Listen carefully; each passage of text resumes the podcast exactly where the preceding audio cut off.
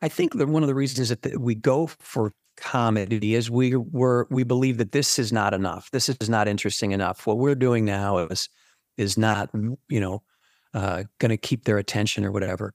If we're honestly doing something, it's definitely going to keep their attention. They're going to be rapt. If we don't even talk, we just sit there and really sit there on a park bench feeding pigeons or whatever the fuck we're doing. If we're really doing it, they're with us. They're willing. It's an improvisation audience.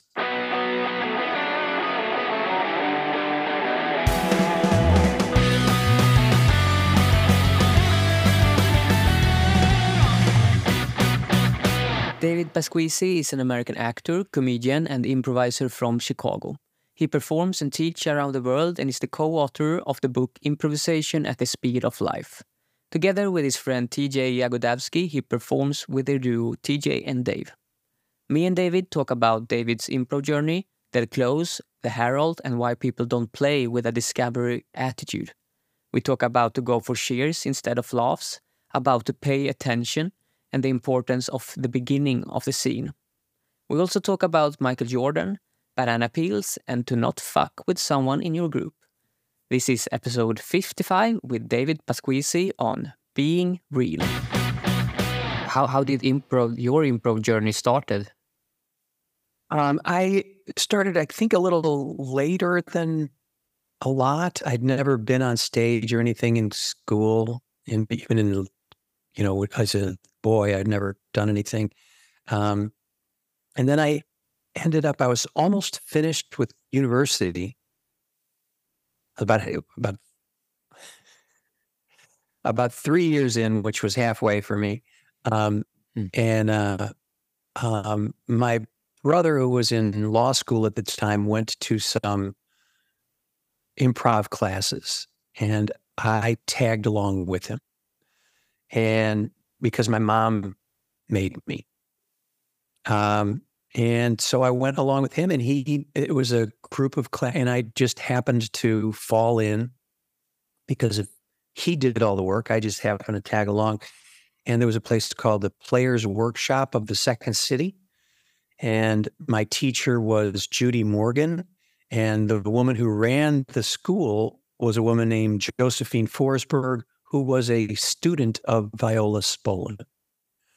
So it goes all the way back to uh, the right the Gaia, right the one mother, um, and uh, I really enjoyed it. I'd never been on stage, never done anything like that. And Judy Morgan, my teacher, was uh, she had worked at Second City many years uh, prior with one of those. She was part of one of those fantastic casts and um, uh, she made it real easy to like it, and and I just stayed with it after that. So I finished that group, but then I, you know, it was never an idea to. That was just something to do for for five sessions. It was five class sessions, and it took about, I guess, about six months or something like that to do all of it. And then I just went back to my regular life, which was going to college and um, planning on going into either business or law or something. And then um, I went to college. So I just put it aside. And I went to college in Rome.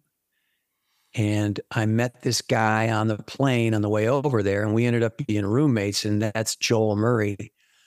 And we started goofing around and just, you know, talking nonsense about maybe starting to become getting into the comedy world. And then when we got back to the States, we did a couple things. We, we kept goofing around. And then one of his brothers told him that this guy named Del Close, who he knew, who was their director at Second City, when they were there, um, they said he's starting up teaching and you if you have any interest in that kind of thing you should go to this guy so Joel told me that, and the two of us went, and we just happened to walk in when Del was coming up with the Harold. So we got to be there. We got to be there for that. How how, how uh, um, apologize uh, that I'm asking, but how old are you?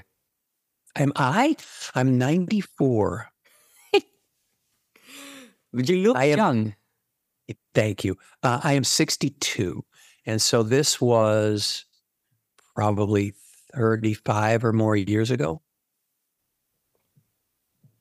Yeah, probably 38 years ago, something like that. Because uh, so it's like life happens, and this uh, it's Joel Murray. That's Bill Murray's brother, is it?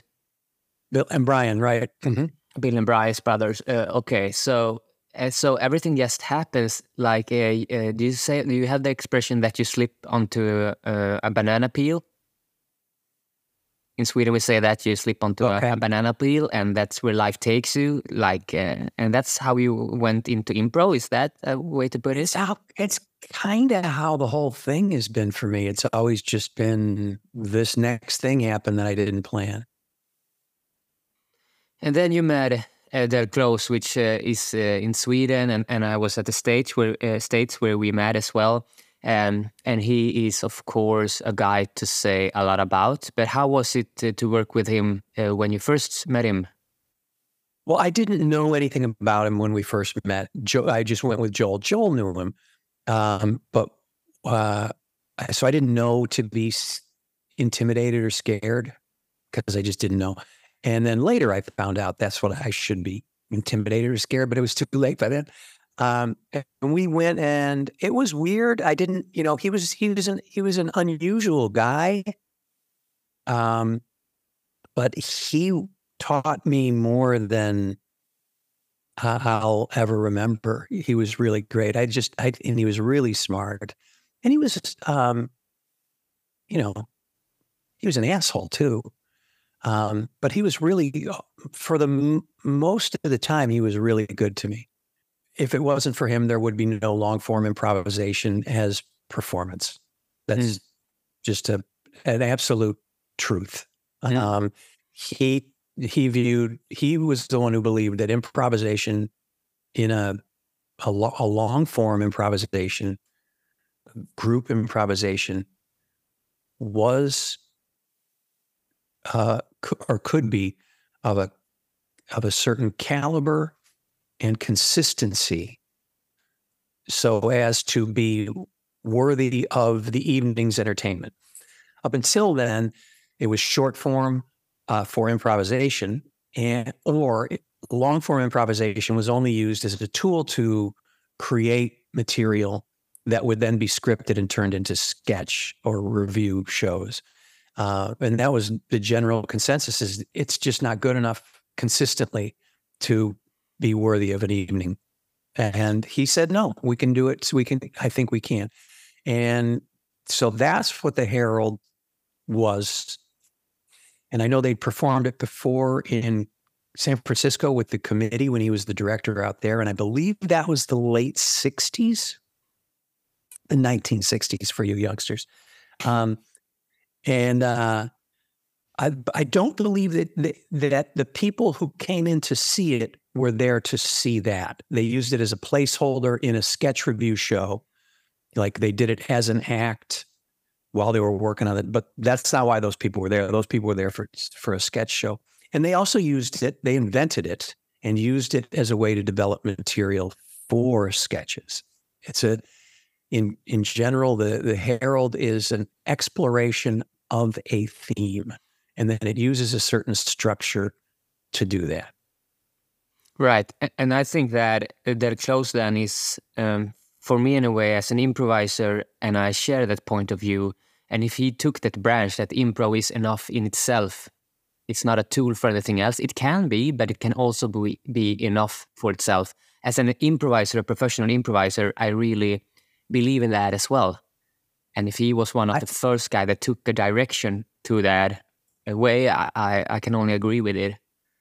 Yeah, absolutely. Me too. And without him, we wouldn't be doing it, I don't think. Um, it took someone like him to just, he was a kind of dogged up and single minded about it. And no one believed it. No one, like the, the general consensus was no, that's not true. It's just, it's nonsense. It's, you know, people wandering around and sometimes it's interesting, but most of the time it's just a waste of time and kind of sad. Um, and he said, no, I think we can do. I think we can do it better, and I think the audiences will start to appreciate it. So, but then just to go back to the to the thread of your improv career or, or whatever you want to call it, how, how when did you start to commit? When did you decide to not do the lawyer thing or or, or your education? Well, I I had a job. Um, I was in a, with a little group of people put money together and invested it in real estate back in the 80s. And I managed and acquired commercial properties for this little group. And I had applied to business school, a real good one accepted me. And I was uh, going to start that in that September. And then it, I think it was June, I realized, oh, this is a great job. The job I had is a great job for someone who wants it. Mm-hmm. And that is not me. I mean, the, the, I, I didn't need a better job. I needed a completely different, and it was kind of a uh, a bit of a. And then I also got fired. Yeah, because fired. fired. Yeah, I got fired from that job. Um, but about the same time, I had kind of already decided, oh, this isn't for me, and then I got fired. Uh, oh, okay, so that uh, your own decision of uh, that this is not for me might have impacted that why you get fired, of course. Yes, and of course, and then that that just cemented it. Oh, they they agree with me. It's not for me. Mm. Um, and then I ended. Then then I kind of was all in, and that was the first time I'd ever thought about that that was even a possibility because long form I was that's the thing that I really excited me was this long form improvisation that we were doing and at the time it was a guaranteed dead end.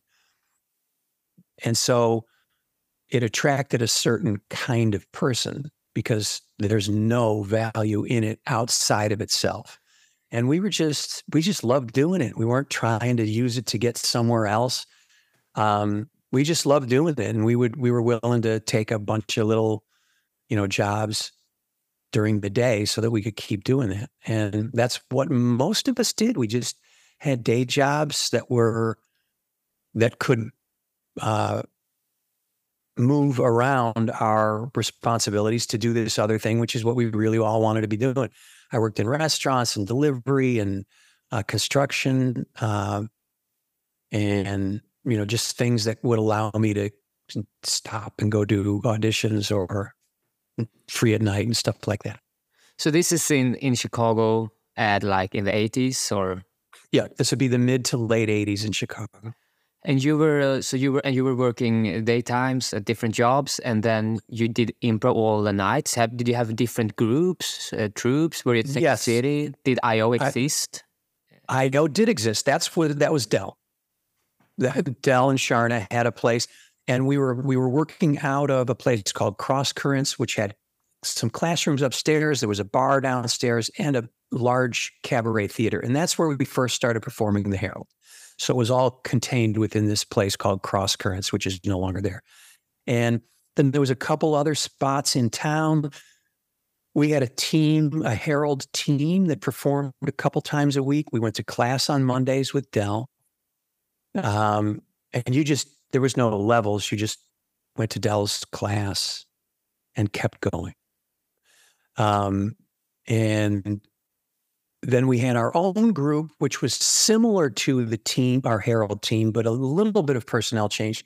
And we found a little another little spot down the street, and we performed there once a week.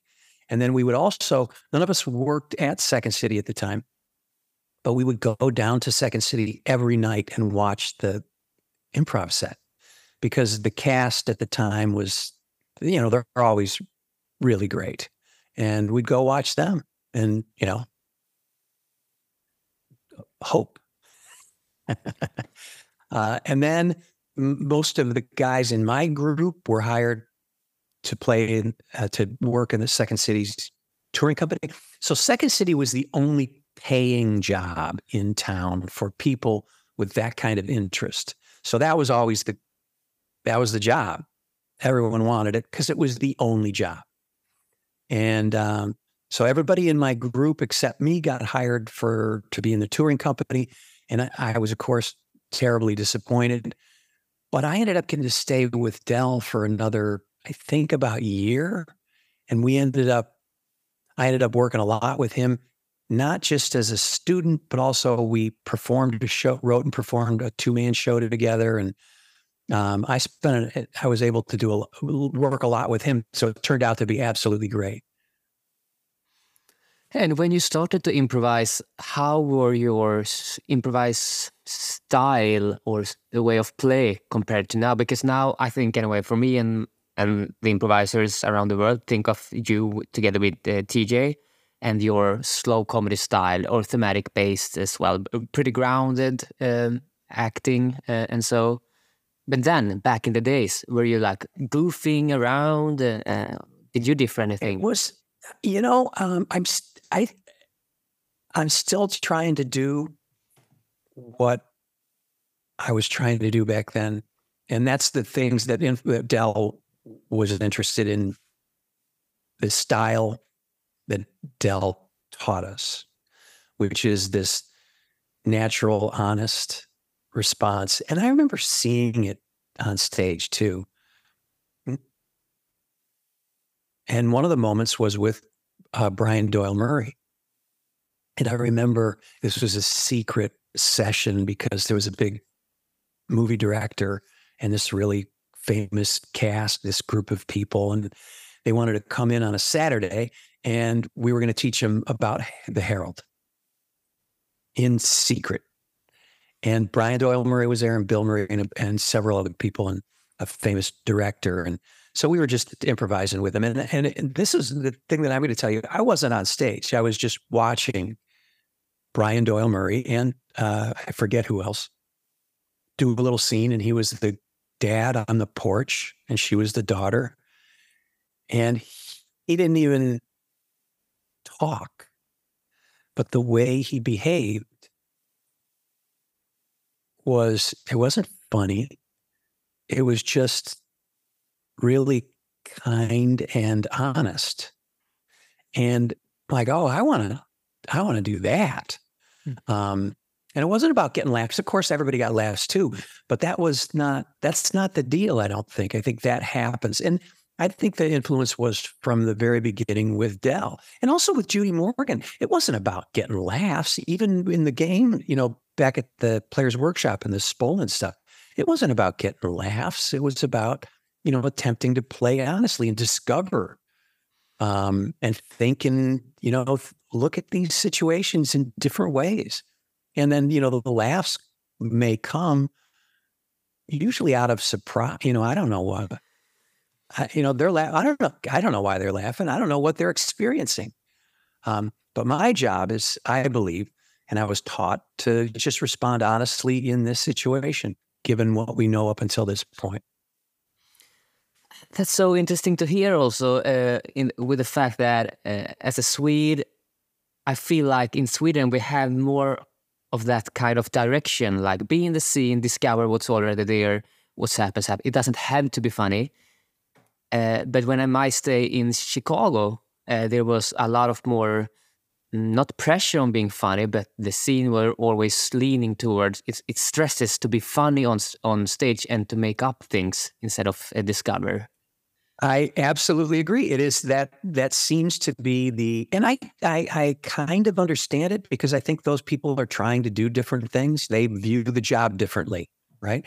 They view the job. They view the job as getting up there and being funny and being super entertaining, um, and being fast and clever. Um, and I just don't view the job. No, I shouldn't say that. Sometimes that's the job, and those people do it well.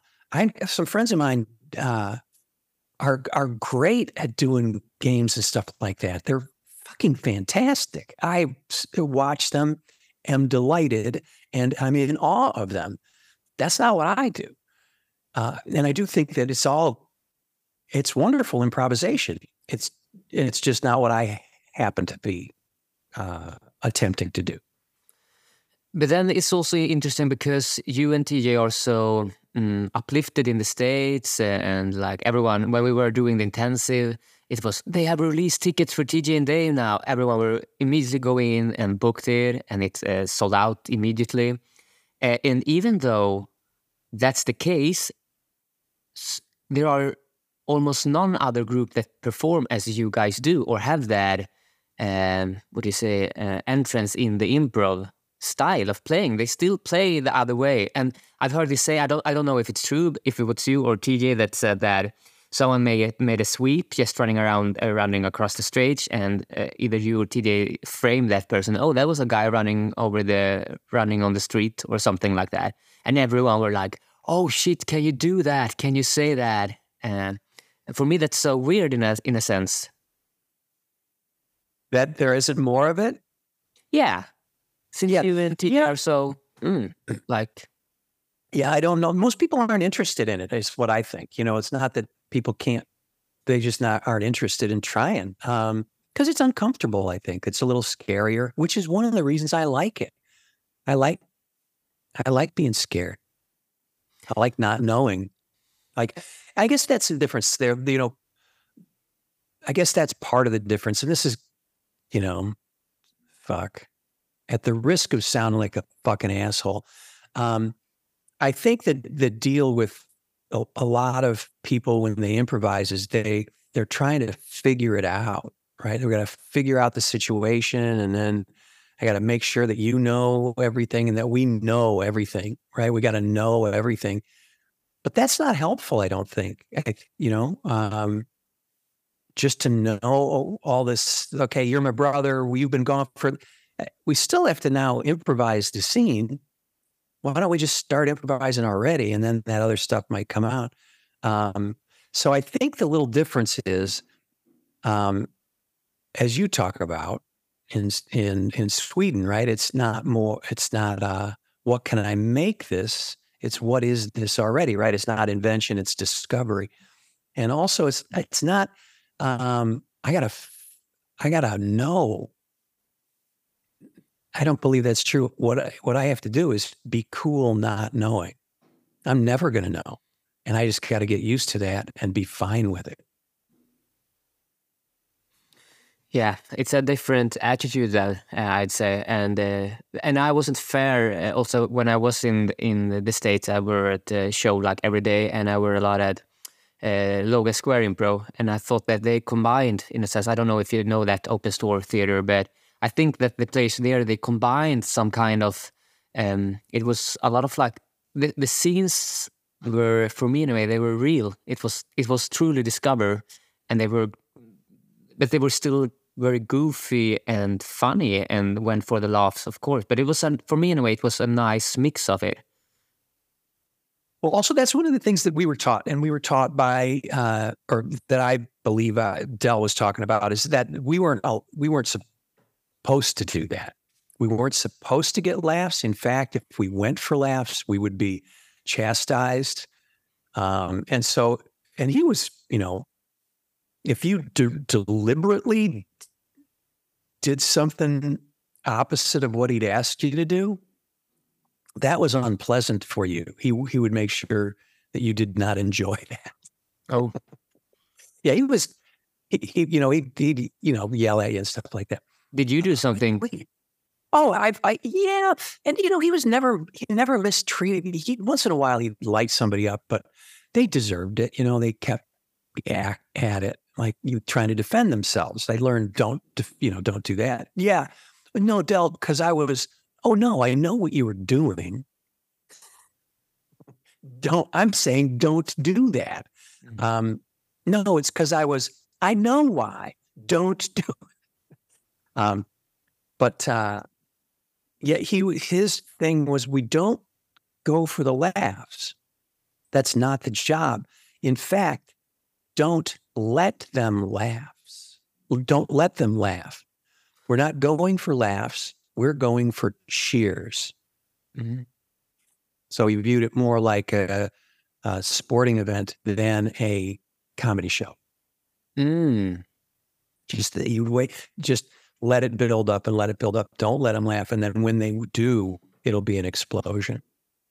Now I don't know. I don't know that that's. I don't know that I agree with that, but that's what he was saying. And, and he was encouraging us to not go for laughs. Because it's because it's often at the expense of the reality of the scene.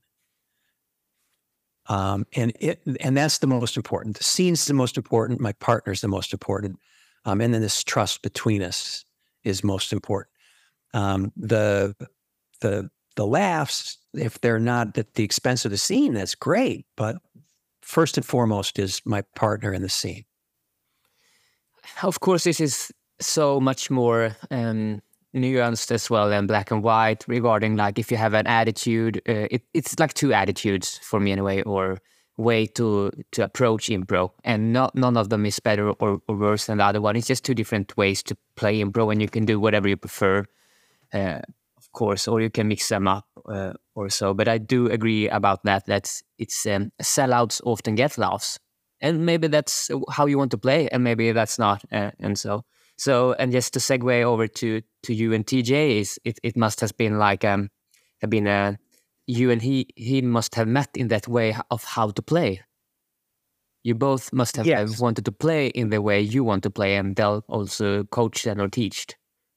Absolutely. Um, and I had that kind of connection with Joel, but that makes mm-hmm. sense, right? Because we were roommates before and we knew each other very well. And and on stage, we kind of just un- understood what each other was doing.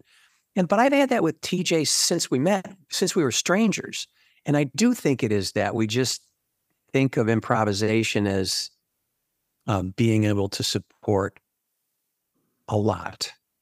Even this, you know, this uh, this I view it as kind of a uh, an exercise in faith that mm. not only will you take care of me, but improvisation in general will take care of us if we just do these things little by little, step by step. The rest of it will take care of itself. I'm just curious, uh, uh, David. Why why isn't it um, uh, Joel and Dave? Uh, he didn't live in he moved to Los Angeles. We live in different cities. Oh, okay. Okay. So yeah, TJ and I just met at some uh, festival at the Chicago Improv Festival. By they needed a. Uh, there was some famous people that were supposed to do a big show, and none of them. All of a sudden, there was a change in the strike, and so they all had to go back to work. And so there was this big show that was, you know, advertised as all these, you know, names that people would recognize, and they couldn't be there. So they just gathered up whoever was in town. And that was me and TJ and Mick and Jimmy Carrane and uh, Kevin Dorff was there, um, Horatio Sanz. I, am sure there's somebody else that I'm forgetting, but and TJ and I. And that was, uh, we did a show together. And that was the first time that we ever performed together. And we enjoyed each other's company and we did a scene together. I still remember it. And, uh, um, and then after that, somebody, Noah, Noah, yep. Um, there was a, there was also an interview right after the show that we did. And, um, right, that started something. And then Noah suggested to TJ that we that he and I should do a show together. Um, and so we talked about it and we decided to start with just the two of us. I'd never seen anybody do a two person show. Mm. Um, uh, I know there were a couple. I'd never seen it though. And so we just decided to start with two people and add more people if we needed them. That's so interesting to hear because now it's of course like there are duos everywhere. Like everyone I know have a duo together with someone else, and it's just different generations, of course, uh, uh for me. Yeah, and I'd never seen they existed. I just had never seen them, um, yeah. and it was, um, and yeah, I'd never done it. So I had never seen it. I'd never done it. So um, we just started with the two of us, and our first show was not very good, and not like what you see now. And then we ch- we decided that at the second show well, we don't want to do that again. Mm-hmm. And so let's just try to do what it is we say we're doing, which is just respond honestly in this moment. Mm-hmm. And then respond honestly in this next moment, and respond honestly in this next moment. That's it. No matter how scary it is or how quiet it is, let's just do just that and see what happens. Because, you know, there's great ideals but people don't do it. Uh, so we were decided let's try to actually do it, and that's what we ended up with. And then that's also what you managed to hold on to. Like, are you 100% there in the character's presence, or do you have any sense of time uh, that you are aware of, that you are stage stage pictures, all these kind of things, variation, outfit, energy? Any, not anymore. Um, I mean, we used to, I'm sure we used to think more about like what this looks like and stuff like that, but we just don't care anymore. We're just there to do the scene uh, because it's easier that way. Um, just to figure out what's going on here. Of course, it's impossible to not hear that guy cough, um, you know, uh, or st- think it's, I guess we should uh, it seems like we should we're heading towards the end, so we should probably get back to those people that we met at the beginning. So later on, I think in the very beginning, in the first however many minutes, 15, 20 minutes, I think both of us are just absolutely right there, not thinking about anything else. And then as time goes on in the evening, we it, part of the job is well, where who might this like look at it at a little bit larger scale rather than this moment right here. Just back up just slightly as well as stay right here. And then, you know, be be a bit of a I don't know, not like a director or overseer, just take a look at it from a different point of view. Um, and they take, but it doesn't require a lot of manipulation on either of our part. I don't think it's like it, because we have to keep everybody straight. Oh, those people that are still over in the diner, what are they doing now? You know, um, what about that little kid who ran away from home? He'd probably be getting into some interesting situations by now, just stuff like that. So I, I don't think it's possible to stay entirely in this moment because we're doing more than one scene. Yeah, uh, I had uh, Gretchen Eng as a teacher at the IO, and uh, I think she was great. She talked about the the micro and macro focus, and I think that's a great concept. So so what I hear is that the first 15, 20 minutes whatsoever, you can only be in the micro focus, uh, focusing on each other. Just discover the scene, what the scene is about already, and then uh, you can take some steps outside mm-hmm. sometime and, and seeing it from a macro perspective, Yes, to remind ourselves what more do we have uh, and such. But but it sounds very relaxing and also almost like very very similar to mindfulness and all these things which i'm sure that you have heard of about a lot like and getting questions about uh, as well. Yeah it does sound a lot like that you know? It's just like and also the reason that we do it this way there's no other reason than it's easier right? The, uh, it's hard enough. Why make it harder? Let's so we're trying to find the easiest way to do this and we find that the easiest way is just to pay attention to what's here rather than try to make shit up and communicate that to you. And also, Del used to talk about, you know, the job is to be right here, super focused on listening to the other person and noticing myself, but also having an eye in the back of the room and watching. You know, that's what you what you refer to as the macro focus. That's supposed to be there too. That's part of this job. But that will come as a um, consequence or, or as a result of uh, have practiced that to second nature then? Like did you really deliberately practice that the, the years with Del Close before tj and also in the beginning with tj maybe? Well certainly with Del, we we you know doing a Harold you do while you're doing the Harold you have the luxury of standing on the side and going over it. Well we've had seen those scenes and those people and we should probably have that scene show up with one of those people in that other place. You know, you can you have the time to do that. Um, so in the so that's practiced that kind of notion of you're kind of also the director, you know, um, and and I think we both look at it similarly that we're both a participant and a passenger in our shows right? We're both. It's not one or the other. We're both. And we're just cruising along as seems most reasonable in this moment. Well, it seems most reasonable that we're next door neighbors who've known each other for a long time. So I'm going to behave that way. Um, that seems most reasonable. Uh, and so um, it is practiced. And then, but also there was somebody that pointed out to us. Like that's how we learn about our show. other people tell us about it. We did not set out to do anything, but like other people have told us, like, oh, that's the anti Harold. What are you talking about? Well, in the Harold, there's time jumps. You guys play straight time. Oh, wow. I didn't, right. I guess we are. I didn't realize we were doing that.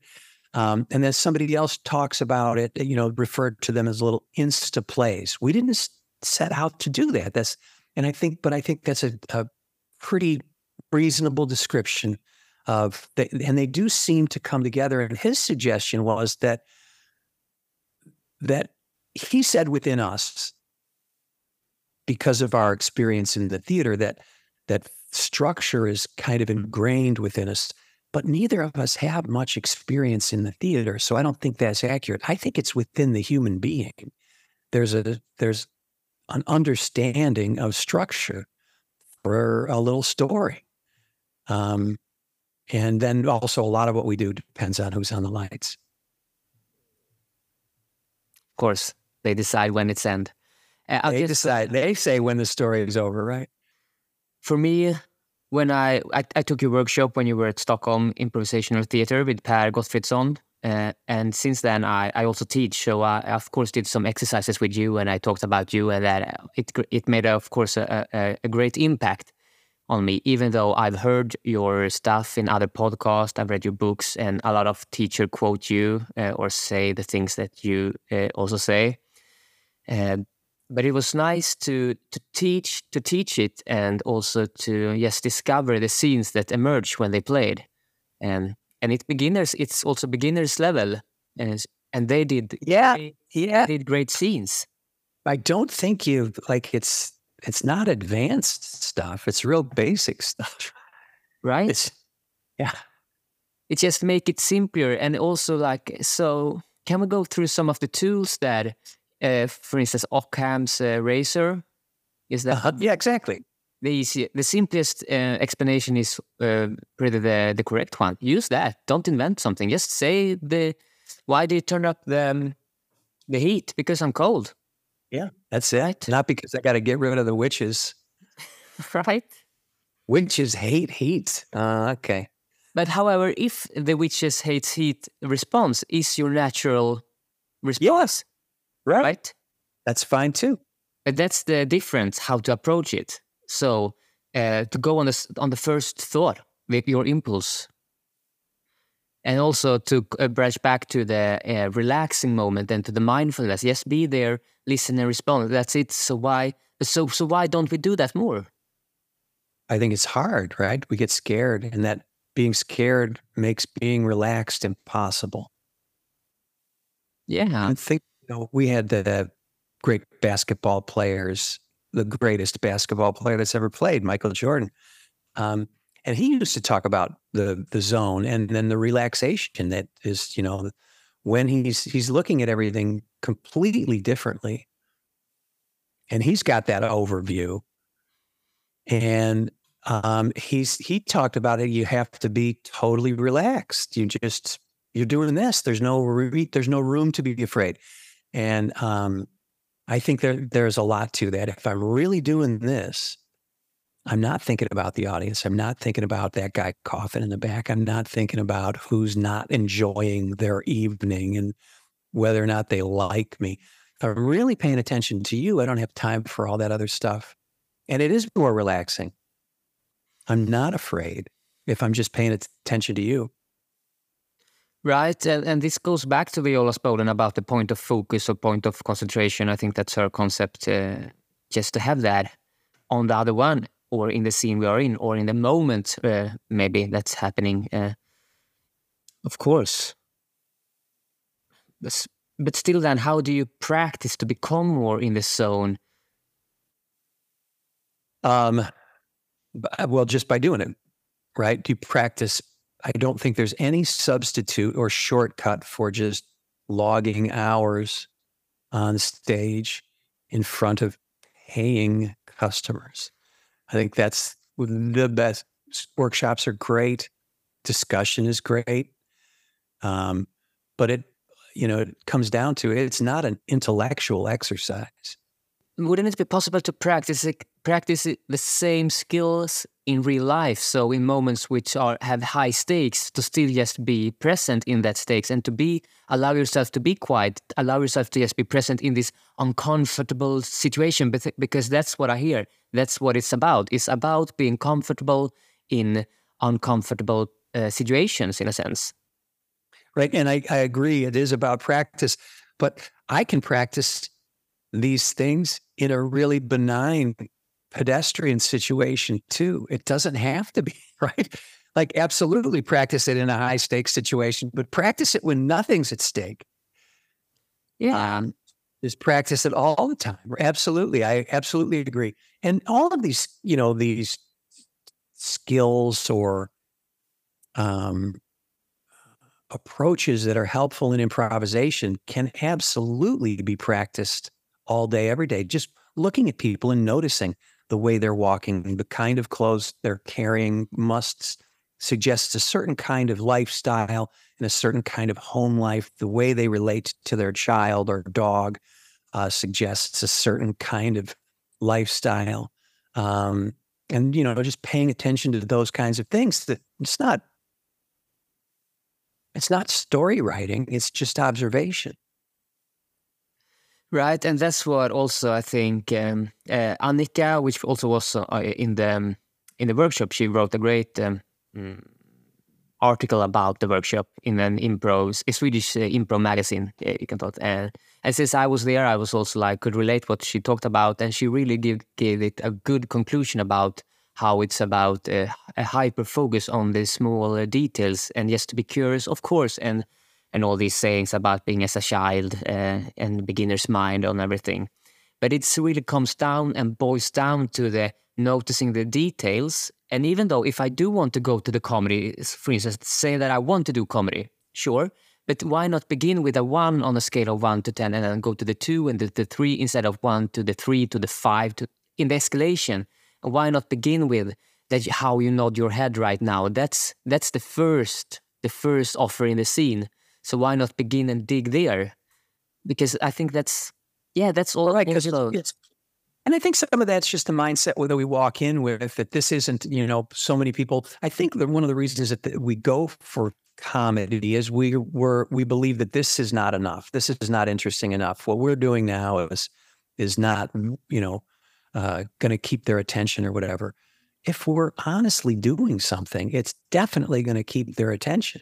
They're going to be rapt if we don't even talk, we just sit there and really sit there on a park bench, feeding pigeons or whatever the fuck we're doing.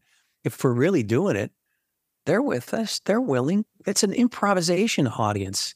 They're up for a little, you know, uh, adventure.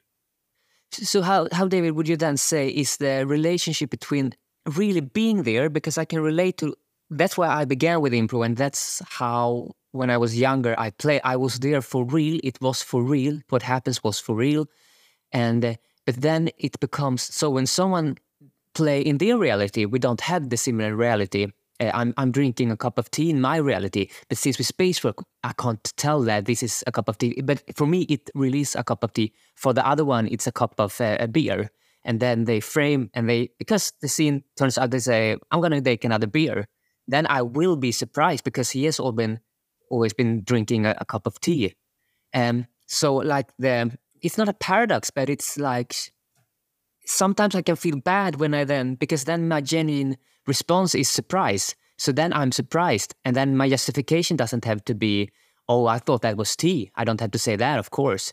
But I want to play with my surprise, and sometimes I get coached or notes afterwards that I would have, I should have dropped my. I don't know. It's like a fine line between that and my own idea to sticking it to it to not be flexible cognitive uh, in a sense like to really be in it. I don't know if i'm grasp if you get what i'm grasping here or i think i do and i, I you know I, I ran into this troll i really had a heck of a show in london and i've been spending a lot of time thinking about it. Um, tj and i were doing a show and i was uh, i fucked it up repeatedly and uh, and it was because I was kind of sticking to this idea. And all the while I'm thinking, this is a kind of an unrealistic thing to play, but that guy believes it. Mm. You know, and then so I, th- and then we also sometimes whether the show we do we there are other characters that are created, and then I went and was another person, another character who then supported this guy, other guy's fucking like I, I, it was just wild. And I, I've been spending a lot of time going over it. I mean, it's been a, a couple months now and I'm still thinking about it.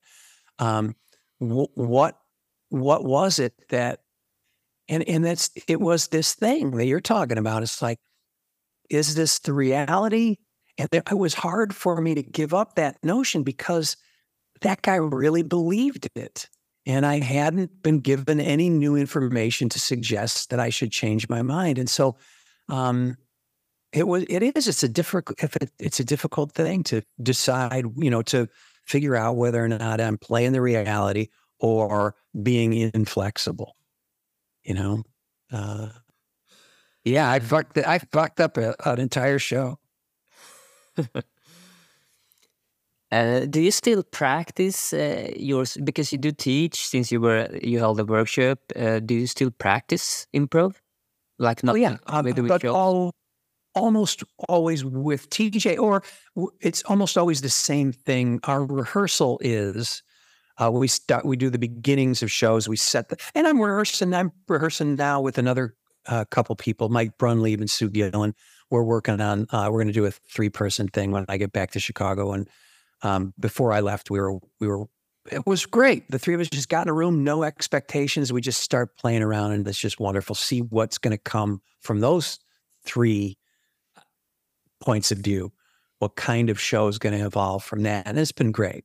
Um, and then when I uh, rehearse with TJ, it is we do we set a timer for like fifteen or twenty minutes, and we do the beginning of a show with in an empty room and we just do the beginning and we then it, the buzzer goes off we stop we discuss was that that guy? Was that that was she when she came through was that a new scene? Or just making sure that we were on the same page. And then we discuss where we think what might be interesting to for the, those characters or situations which ones might where they might go. Uh, because you can't do that in the moment. You can't like figure out anyone's trajectory. I'm not my brain doesn't isn't doesn't have that capacity. Um, but when we stop and think about it, it's like, oh, that probably would have happened there, and that. Yeah, it's, and then we start we we erase it and Do you know start start up another one. Yeah, and because the beginning is is the most important thing. Mm, yeah, the the initial moment. It's um to go back to what you say, said about the stories in uh, in in ourself, in the body, we can trust that we already have it. We don't uh, need to mm, put it from outside. Like I, I, just think of the the analogy with the map, like uh, to see the scene as a map instead of being in it as the reality it is. And I'm see if I can get to the point here. Uh, what I'm meaning is that it's great to have the theory as to work as a map that you afterwards can discuss and then talk about what would the scene be like, what could it be like. But for me, in a way, it's um, when you go for the laughs and be the writer in the scene and are too much more macro, you are watching the scene from a map, so you might actually miss the reality of the scene.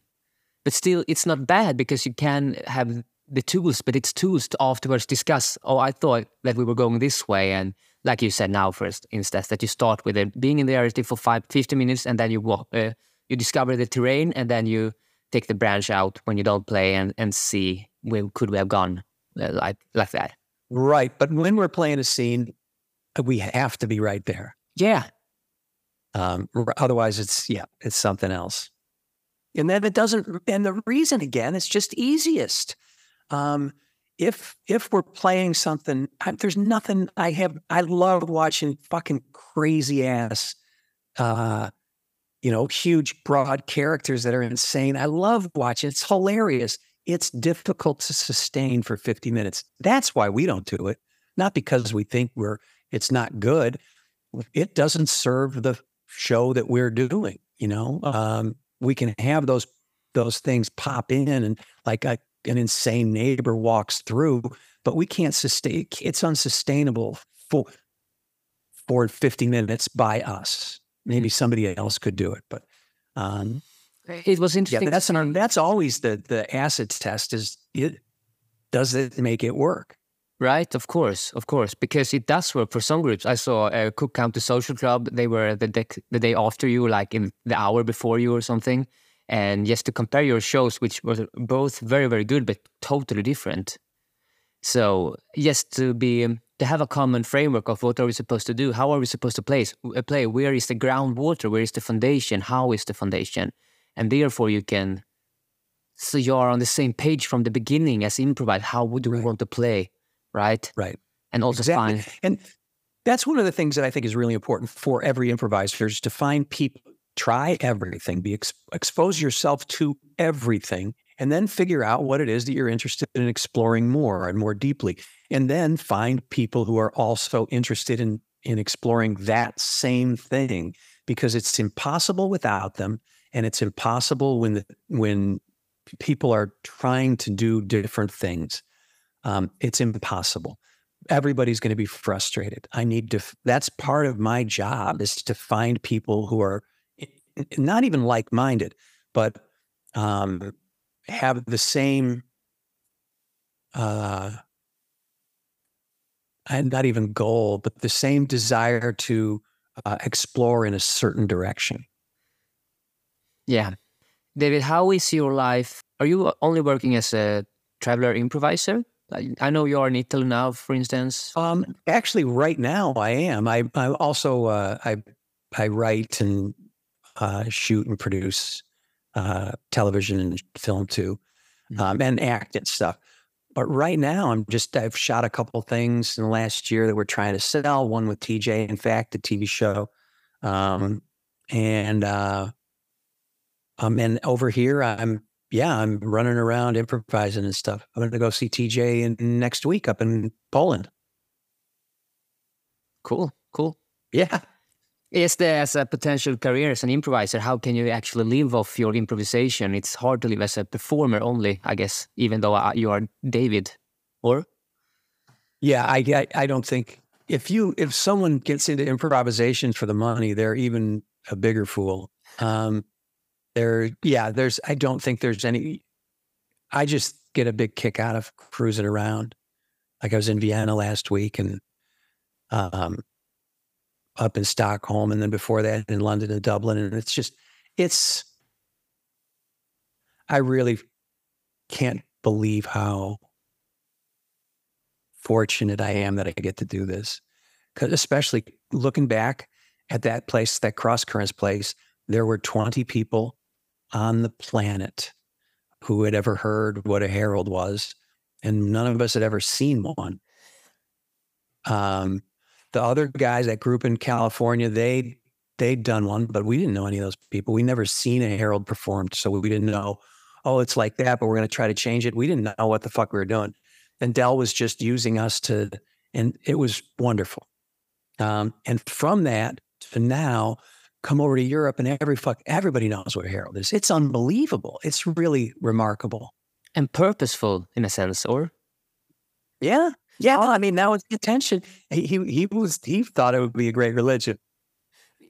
yeah, I can agree with that. But and, and I want to ask Dave because I'm in the beginning still of as an improviser, and I, in my head I, I, will be doing this for the rest of my life. I'm I'm not sure that if that will turn out like that, but I think so anyway now and, and, I'm not I'm not going to say that you are of course in the end of it, but you are uh, somehow anyway later than me as a 62. You're 30 years older than me.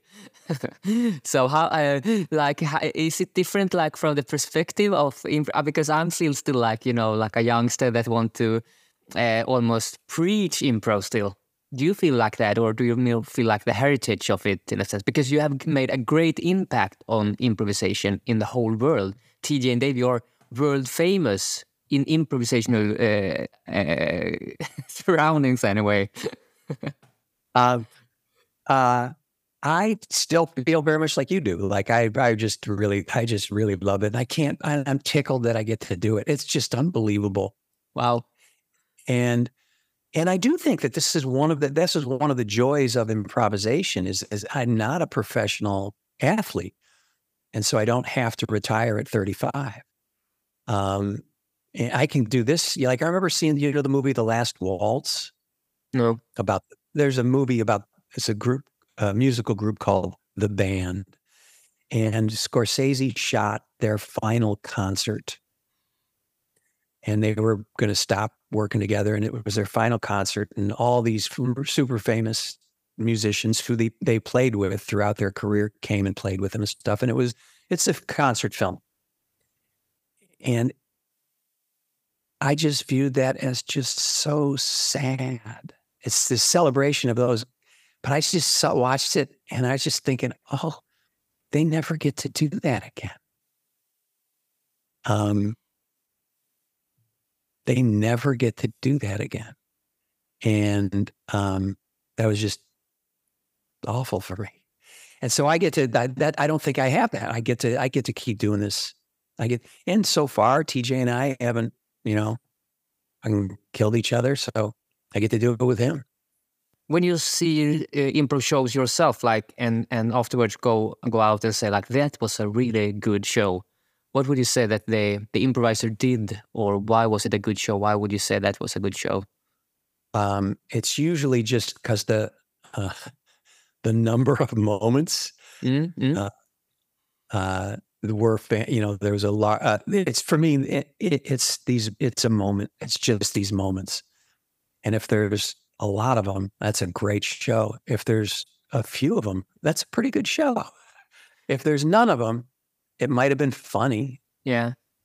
But it doesn't stay with you. And I that's one of the things for me that I uh, that I think improvisation can sustain. It's it sure it can can be comedy, but it can also uh, withstand, you know, heart and you know, kindness and things like that. Mm-hmm. Of course, but but the moments are they are what, what would you call them? Like true moments of truth or yeah, moments? Yeah, I think so. Yep. I think so. I say I think that's all it is. I think it's that simple. Honest moments. Yeah. And beautiful moments, right? Because of that. Yeah. Mm. Authentical moments, maybe. Mm. Yeah, exactly. Well, I do think that that's super important is find your find your people. I think that's essential. And I, I think that's, you know, we just think, oh, because we're all involved with improvisation, we're interested in the same kind of improvisation. And it's a huge umbrella that's that falls on, you know, many things fall under the umbrella of improvisation. I need to find my people who are interested in heading off in this very specific direction with me. I think that's, that's really helpful. Also, and don't fuck anybody in your, in, in your group. And what do you mean by that? Fuck, don't fuck anybody. I mean, have sex with. All right. Um, okay, but uh, David, uh, thank you so much. Thank you, Elmar. Great. Uh, thank you so much. It was I really enjoyed talking with you. I like the way you think about this stuff.